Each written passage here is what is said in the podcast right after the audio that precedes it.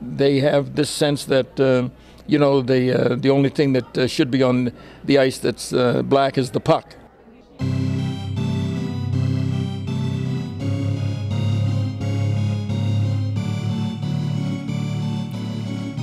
Dokumenterat sänder.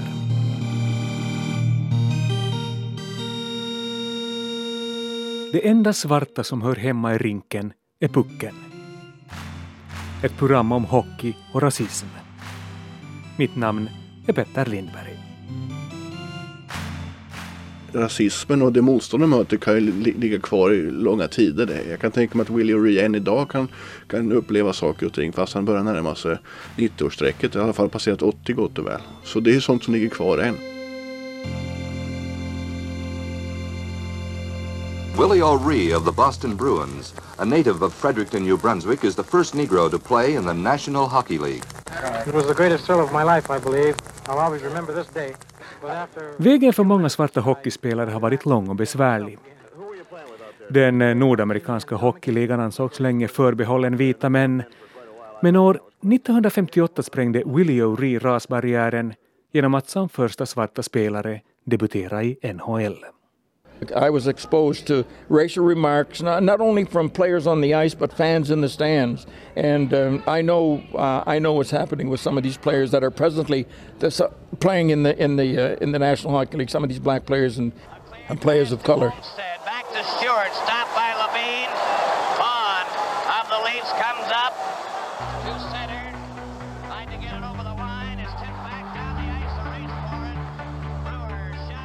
När Willie O'Ree debuterade år 1958 fick han höra glåpord och rasistiska kommentarer om sin hudfärg. Men stort mycket bättre är det inte idag, säger han. Men hur kommer det sig att ishockeyn och rasismen har en lång och gemensam historia? Varför syns och hörs rasismen fortfarande på läktarna eller tar sig mer subtila uttryck i form av attityder och föreställningar om att hockeyn i grund och botten är en vit gentlemannasport? Och finns det något sätt att komma åt rasismen så att Willie O'Ree och hans medspelare inte längre behöver höra n-ordet? It was game after game after game that you'd hear the, the N word, or you'd hear. I've had black cats thrown on the ice. I've had cotton balls thrown on the ice when I was playing, but um, I just overlooked all of that and tried to stay focused on what basically what I wanted to do. Svarta katter eller bomullstussar som slängdes in på isen har inte lyckats stoppa Willie O'Ree. I det här programmet ska den 84-åriga hockeypionjären och legenden berätta om hockeybanan som kantats av rasism och glåpord. Men eh, vi ska också besöka Hockey Hall of Fame. Hello. Yeah. Hey, nice to meet you. Nice to meet you too. Welcome to the hall. Well, thank you. So, where are we going? Well, uh, Inledningsvis ska ni ändå få träffa idrottsforskaren Tobias Stark som forskat kring hockeyns nationalistiska rötter och om hur hockeyn i synnerhet i Kanada utnyttjades för att forma bilden av nationen den moderna tävlingsidrotten växer fram i Nordamerika och Kanada så använder man tydligt och klart den, den brittiska amatörregeln. Och där finns då inskrivet egentligen från början även en, viss, en del rasdimensioner. Det står tydligt och klart i vissa föreningars Eh, definitionen av en amatör är. Att det ska vara en man, en gentleman som inte får bedriva idrott av pekuniära skäl. Alltså av, det är en klasslagstiftning egentligen. Arbetare får inte vara med. Det, det stadsfäst också. Arbetare inte får delta. Liksom indianer och så vidare. Så här från början finns det egentligen en tydlig rasmässig definition av vad som är en god idrottsman från början. Och det här finns ju kvar av än idag egentligen. Mycket av den den eh, tydliga identitet på vad en hockeyspelare är, är, som växer fram i Kanada. Den är tydligt kopplad till den kanadensiska identiteten och den är formad kring då egentligen en, en vit manlighet skulle man kunna säga. Inte bara det utan en engelsk manlighet så att säga. Så från början är kulturellt sett och även i praktiska meningar då andra människogrupper är mer eller mindre marginaliserade, till och med eh, förbisedda och eh, aktivt eh, motarbetade från att delta på lika grunder. Inte minst då den fransk-kanadensiska befolkningen men även givetvis afrokanadensare, afroamerikaner och vad det kan vara och inuiter, native americans, indianer och sådana saker. Så det, det skrivs in från början och har sedan egentligen fortlevt än i denna, denna dag.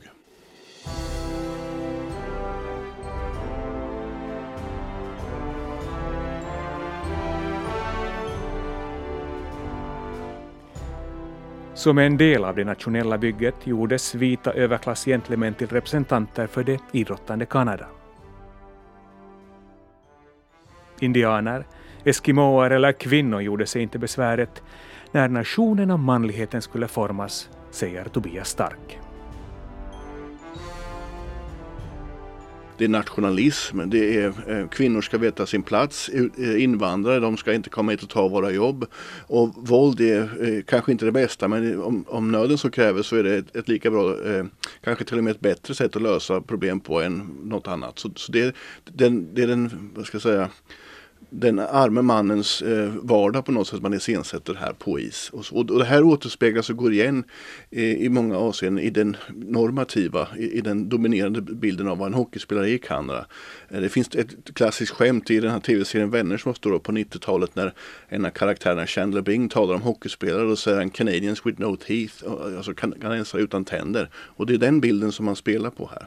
Sen har det alltid funnits alternativa eh, sätt att definiera en typisk hockeyspelare som har kopplingar till etniska dimensioner. Inte minst då den fransk-kanadensiska som oftast har varit i förhållande till den mera Toronto eh, burna hockeykaraktären. har varit en mer teknisk ishockey, en mer kanske man skulle i någon mån kunna säga snällare variant av det hela. Eh, och det är en dimension. Sen har, finns det också, om man vill verkligen problematisera det hela, så har det alltid funnits en, en skillnad mellan den professionella ishockeyn och den mera eh, universitetsskolorienterade. Och då är då den senare mer kopplad till, eh, ja egentligen en, en mer eh, timid, kallar det manlighet, om man vill se det så. Alltså det är inte ett så våldsamt spel och det är mera fair play medan den professionella ishockeyn alltid varit kopplad till det är sånt som vi tar för givet egentligen med kanadensisk hockey och, nordamerikansk hockey. Det är, det är våld och kämpande och så. Mer attityd än kanske teknik om man ska göra det enkelt för sig. Mm. Och det här är då kopplat också till de, de etniska föreställningar som finns om olika grupper så att säga. När Willie O'Ree gör sin NHL-debutår 1958 kliver han in i den miljö som präglas av våld och attityd.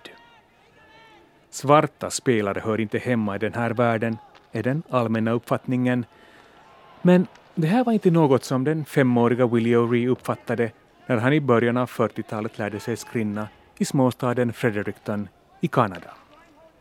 I started playing hockey at the uh, at the age of five and kind of played up through the ranks and uh, I was thrilled about uh, being on skates and being able to maneuver a puck and a stick and uh, when I was 14 years of age I decided I wanted to become a professional hockey player. Jag började spela hockey när jag var fem och som 14-åring bestämde jag mig för att bli proffs. Trots att Willie O'Ree också var en begåvad baseballspelare var det hockeyn som drog det längre strået och förde honom till hockeylag i Quebec och Kitchener. Men här höll karriären på att ta slut innan den på allvar ens hunnit börja. You know, back then none, none of the players wore any helmets, no face shields, no cages, nothing to protect your head. Goalies didn't wear any masks, so you know the pucks and sticks and everything else that was flying around on the ice. Um, I had an unfortunate accident. Um, there was a puck. I'm in front of the net for a deflection. Uh, there was a puck shot from the point, um, ricocheted off a stick, come up and struck me in the right eye, hit me flat, broke my nose, broke part of my cheek, and I remember dropping down to the ice. And the next thing I knew, I was being placed in an ambulance and, and taken to the hospital. Bernard Boum Geoffrion a compté le premier but de la sixième partie après seulement 46 secondes de jeu en faisant dévier un lancer de Jean Béliveau. På den tiden använde man inte hjälmar eller visir. Inte ens målvakterna brydde sig om att skydda huvudet. En puck som ändrade riktning från en annan klubba träffade Willys ansikte så olyckligt att näsan knäcktes och synen på det högra ögat gick förlorad. Uh, when I arrived there, Dr. Henderson was the surgeon, and uh, I, after uh, I'm in my recovery room, and uh, uh, Dr. Henderson came in and said, "Mr. O'Ree," he says, "I'm I'm sorry to inform you." He says the impact of the puck completely shattered the retina in your right eye, and he says you're going to be blind and you'll never play hockey again. Dr. Henderson kom in på mitt rum och sa att jag kunde begrava mina proffsplaner och drömmen om att en dag spela i NHL. Uh, when the doctor told me I'd never play hockey again, I just couldn't accept that. I mean, he was a fine physician, um, but he didn't know the burning desire I had uh, within me that I wanted to play hockey and I wanted to be the best hockey player I could be. And I just tell him, you uh, you work hard and uh, things have a way of working out. Mm, and when you're 18, you don't believe in doctors. No, no. well, no, no. Uh, he was he was wrong. Uh, he was he was wrong at that point. Läkaren gav det dystra beskedet att karriären var över. Men Willie struntade i läkarens ord och hemlighöll beskedet för alla utom sin syster. Han var helt enkelt envis och odödlig som så många andra 18-åringar och fortsatte att spela endast sex veckor efter sin olycka. So I was home about six weeks, and uh, Punch Emlak was the coach and general manager of the Quebec Aces, the professional team up in Quebec, Canada. And he said, Willie, he says, I watched you play the last couple of years. I'd like to invite you to training camp. So I got all excited. I told my parents, I told my close friends, oh, I'm going up to Quebec. They've offered uh, me a training, uh, a training position. Quebec Aces hade fått kon på den lovande spelaren och inbjöd Willie till ett träningsläger i Kanada. I was fearful of failing. I was afraid to fail. I, I told myself, how could I go to Quebec and play and not make the team and then come back to my hometown and, and tell my parents and tell my good friends I, I just wasn't good enough. I says I, I just I couldn't accept that. Jag var rädd att misslyckas, säger Willie O'Ree och berättar att han bar på en misstanke om att han inte var tillräckligt bra för att bli proffs. Men samtidigt intalade han sig om att det inte längre fanns något som kunde stoppa honom. I said, Willie, you can do anything you set your mind to do as long as you feel strongly within your heart, within your mind. If you think you can, you can. If you think you can't, you're right. And um, I, um, I, I lived by that, and I, I just told myself, if you if you go and work as hard as you can, and feel good about yourself, and and uh, uh, be positive, things those things will work out. Will have a way of working out, and basically that's that's the way I lived, and that's the way I that's the way I played. Om du tror att du kan något så har du kommit en bra bit på vägen. If you think you can, you can, säger Willie O'Ree och får det att låta som ett livsmotto.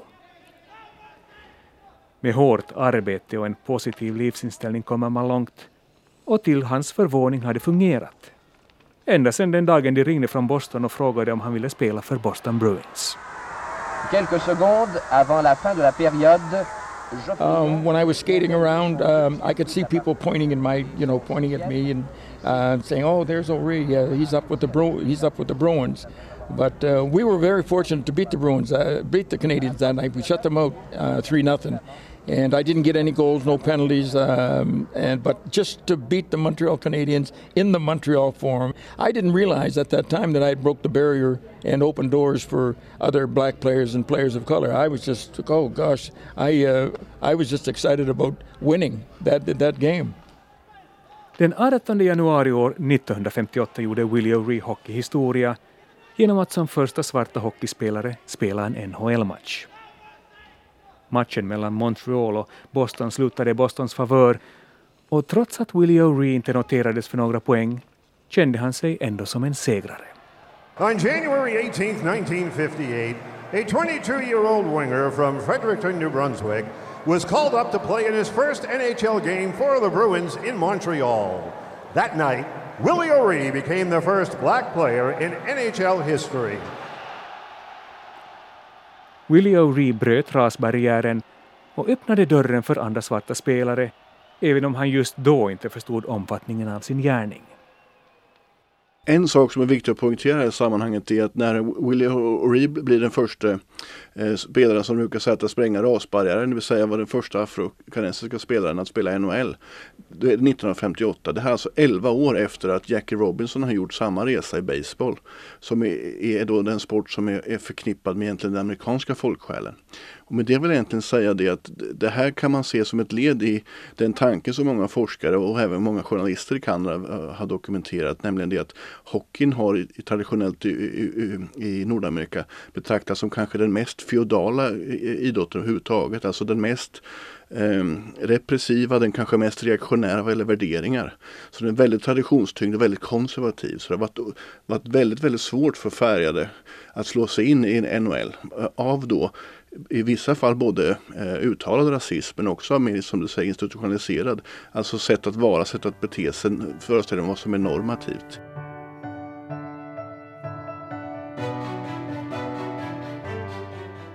I början av 50-talet var USA ett segregerat land och hockeyn i högsta grad en vit sport.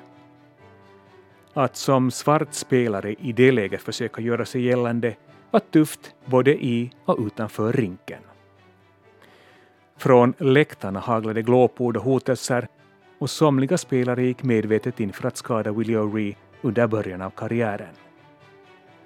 Men trots det fortsatte han och blev med det en symbol för en större samhällsutveckling, säger idrottsforskaren Tobias Stark. Han var nog på något sätt en symbol på en samhällsförändring man inte kunde hantera, inte ville veta av så att säga.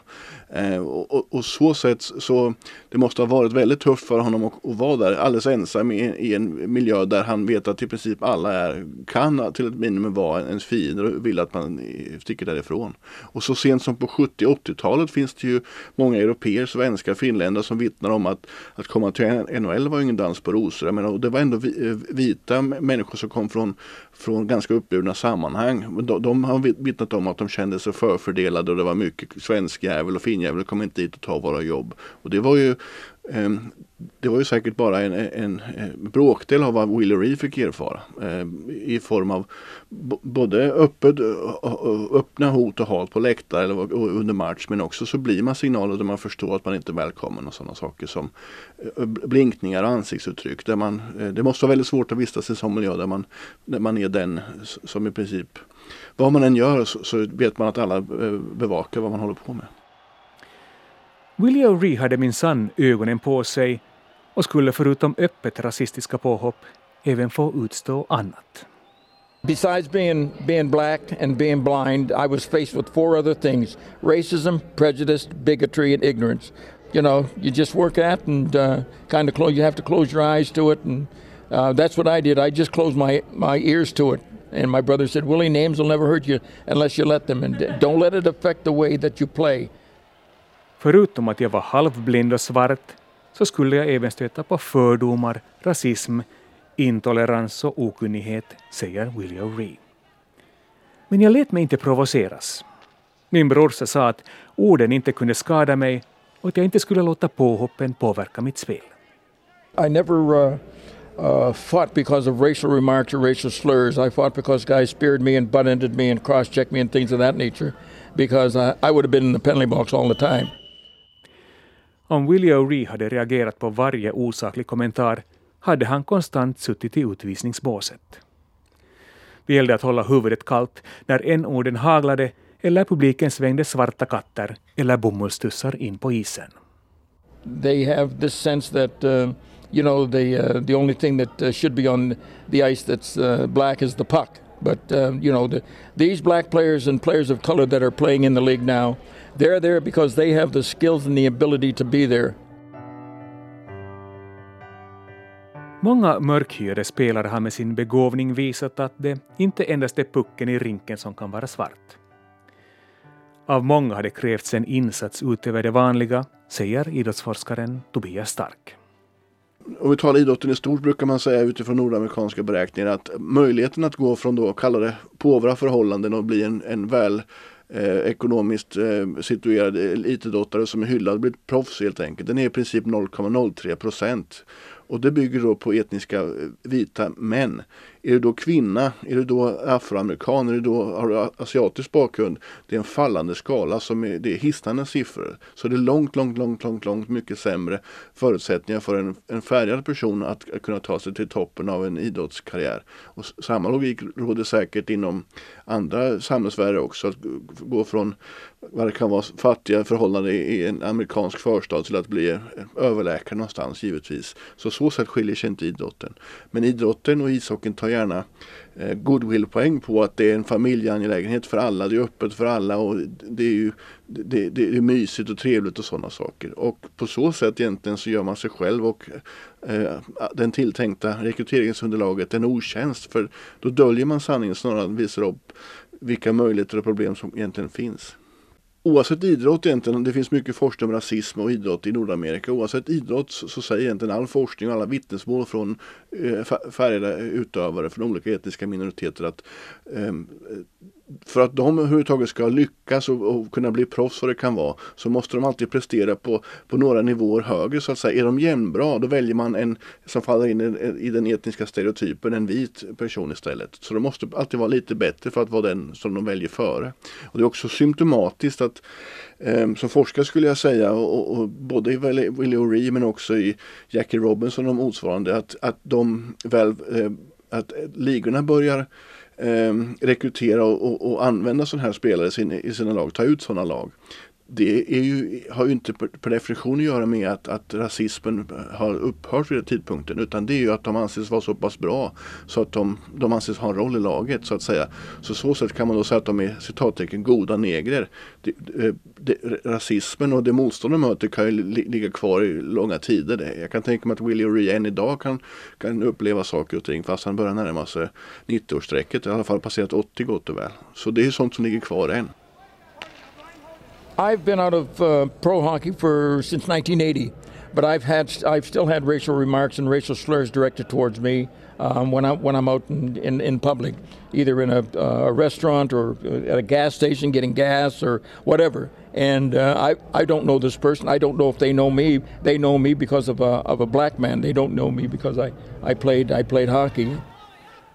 Trots att Willie O'Ree lämnade proffsrinkarna redan år 1980 så stöter han fortfarande på rasism. Till exempel när han går på restaurang eller tankar sin bil. De allra flesta känner nog inte till min hockeykarriär utan ser mig endast som en svart gammal man. Visst har läget sedan 50-talet blivit bättre, men fortfarande går det allt för långsamt, säger han. You just take it a day at a time, you know, and uh, but it's it's gonna it's gonna take a while. It's gonna uh, probably not in my time, but uh, the only thing we can do is is work at it and be the best uh, person that you can be, and uh, that's the way I live. Willie O'Ree har varit en banbrytare och ett föredöme för många, men det skulle dröja ända fram till år 2018 innan han valdes in i Hockey Hall of Fame och dessutom blev föremål för en dokumentärfilm. Tonight to the world premiere of Willie, directed by Lawrence Matthew Det är världspremiär på dokumentärfilmen Willie och regissören Lawrence Mathieu Leger kliver upp på scenen. I don't speak any Italian, but merci tout le monde d'être venu. Ça me fait vraiment plaisir que vous soyez ici. Thanks everyone for being here. Um, I'm truly honored that you have come to watch our film about the amazing Willie O'Ree. Thank you, Willie O'Ree, for giving me and Bryant and everyone the privilege to tell your amazing, inspiring story. I hope you love the film as much as we Ljusen släcks i den proppfulla biografsalongen Ted Rogers Cinema i utkanten av Toronto. Hockeystjärnor, hockeyfantaster, helt vanliga filmvänner och den ditsläpade Stanley Cup-bucklan väntar andäktigt på att dokumentärfilmen om Willie O'Ree ska börja. Samma 84-åriga man som jag nyss talat med fyller plötsligt ut hela filmduken med sin ödmjukhet och närvaro.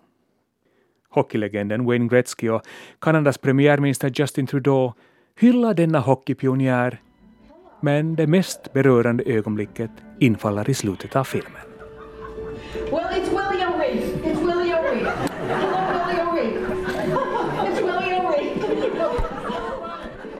Stämningen i biografsalongen är laddad. På filmduken väntar Willy på besked från Hockey Hall of Fame. Ska han äntligen bli en av de utvalda?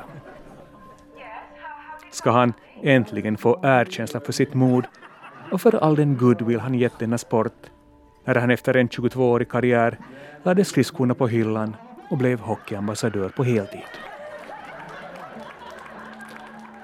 Det går ett lättat sus genom salongen. Därefter följer spontana applåder och hurrarop över att mannen som raserade rasbarriären äntligen blivit invald i ishockeyns finrum.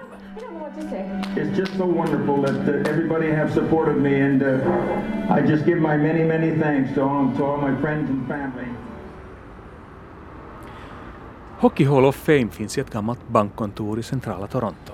Yeah, with Gary, Martin, Jana, Willie, Martin och Alexander Yakashev. Okay. Fast eh, tankarna går väl närmast till en kyrka när man kliver in i rummet där Stanley Cup-bucklan förvaras tillsammans med bilder på alla som valts in i den förnäma församlingen. Från och med våren 2018 hänger här också en bild på Willie O'Ree. Aningen sent kan man ju tycka i och med att hans bravader inföll i slutet av 50-talet. Before his induction, we got a lot of letters from kids in schools asking us to put him into the Hall of Fame because of what he did for um, uh, for the color barrier, and also because of I think like the kids just can't imagine that he played with one eye sight. Vi fick en massa brev av barn som tyckte att Willie O'Ree borde blivit invald i Hockey Hall of Fame för att han motarbetade rasism och för att han övervann sitt fysiska handikapp, säger Kelly Massey som själv jobbar på Hockey Hall of Fame. He has um, traveled all over North America and exposed 40,000 girls and boys of um, uh, to a diverse background to the game of hockey. So um, yeah, that he's yeah, just everything he's done. Willie O'Ree har efter sin egen hockeykarriär blivit en ambassadör som introducerat hockeyn till över 40 000 ungdomar med mångkulturell bakgrund. When he visits schools, he goes to uh, different cities and shows them what um, what hockey can teach them: leadership, confidence, um, uh, athletic ability, that sort of thing. I think that's important for confidence as well, and I think he he was able to spread that word through his work for the NHL.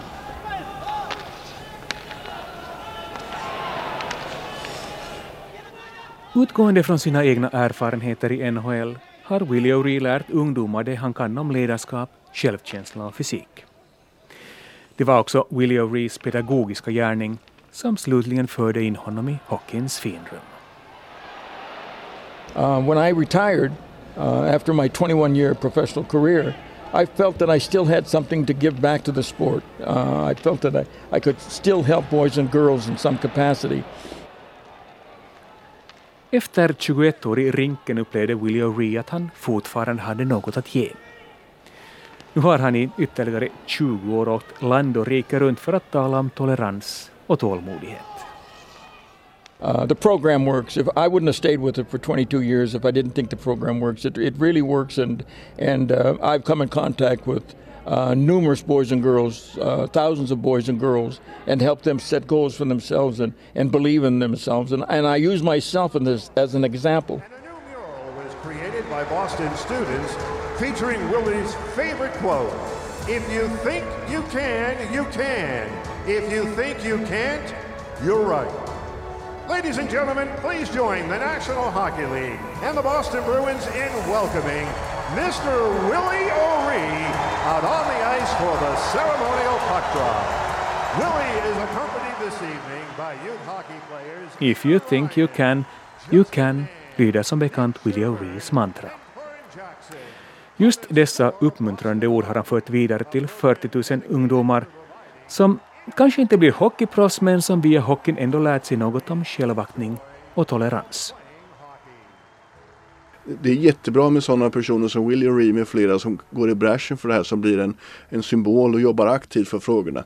Men om man någonsin ska kunna komma till rätta med det här eh, eller vad det nu kan vara med, med våldsproblematik eller jämställdhet inom idrotten. Då måste egentligen alla hjälpas åt. Det är inte eh, en persons fråga eller minoritetens eh, eh, fråga utan alla måste hjälpa till med det här. Det handlar om föräldrar, det handlar om ungdomar, ledare inte minst. Och sen är det utbildning men tanken är också att man måste jobba långsiktigt och så måste man inse det att segern är aldrig vunnen. Det, det tar aldrig slut, man blir aldrig färdig. Det uppkommer alltid nya problem så att säga. Eh, och, så man måste vara ödmjuk inför frågan. Och det, men det ska man inte då säga att, att loppet är kört och se det som något negativt. Man måste bara se att det är en stor och viktig fråga och därför kräver den allvar och seriöst arbete under lång tid. Det är först då man kan överhuvudtaget börja svänga på någon form av oceanångare eller eh, stort eh, tåglok här som är ute och far. Eh, men det man också ska säga att jämfört med den tid när Willie O'Ree eh, eh, kom fram och började spela NHL på 50-talet och idag det är ju det är ju stor skillnad. Mycket har ju hänt till det positivare. Men det betyder inte att som sagt resan är slut nu. Det finns fortfarande mycket kvar att göra. Precis som idrottsforskaren Tobias Stark konstaterar så är rasismen ingalunda ett avklarat problem inom ishockeyn.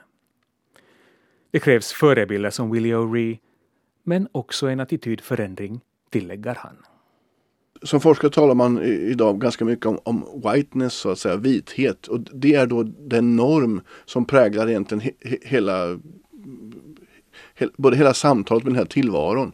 Och eh, den enkla matematiken med ett sådant perspektiv är egentligen att man kan inte lösa citattecken dagens problem med att vidmakthålla samma system som man har. Man måste gå bortom det. Och då måste man till ett minimum i det här läget egentligen se till eh, den företrädaren för den etniska minoriteten, den som har blivit utsatt för rasism. så att säga. Det, det, det är deras blick och förståelse av ett umgänge, ett samtal kring sådana här frågor som i någon mån måste få tolkningsföreträde.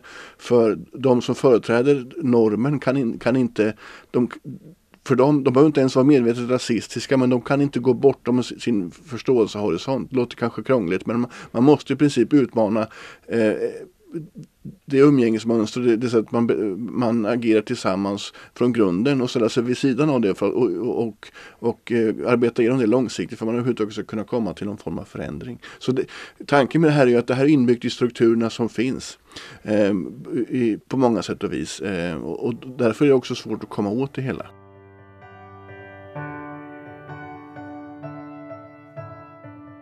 Rasismen finns synlig på läktarna men den dolda rasismen som finns inbakad i ålderdomliga strukturer och oreflekterade attityder är betydligt svårare att komma åt. Willie O'Ree har ändå visat att det går, men att det krävs mod och uthållighet och en stark tro på sig själv. Det skulle finnas mindre rasism i vår värld om människorna såg till varandras karaktärsdrag istället för att fästa sig vid deras hudfärg, säger Willie O'Ree och syftar till slut på en annan människorättskämpe, nämligen Martin Luther King. Um, the one thing I learned from, from Dr. King, he says, uh, don't judge a person by the color of their skin, but the content of their character. And that's, that's a truthful, truthful saying right there. Uh, if a lot of people would, would use that, you, there would be less racism and less prejudice um, in the world today.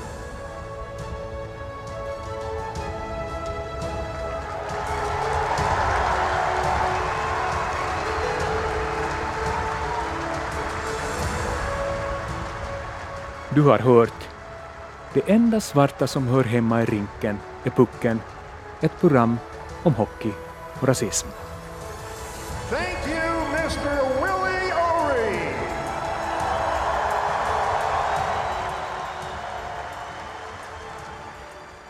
I programmet medverkade hockeylegenden Willie O'Ree, idrottsforskaren Tobias Stark och Kelly Massey från Hockey Hall of Fame. För ljuddesignen stod Anne Heikkilä. Producent var Staffan von Martens. Och mitt namn är Petter Lindberg.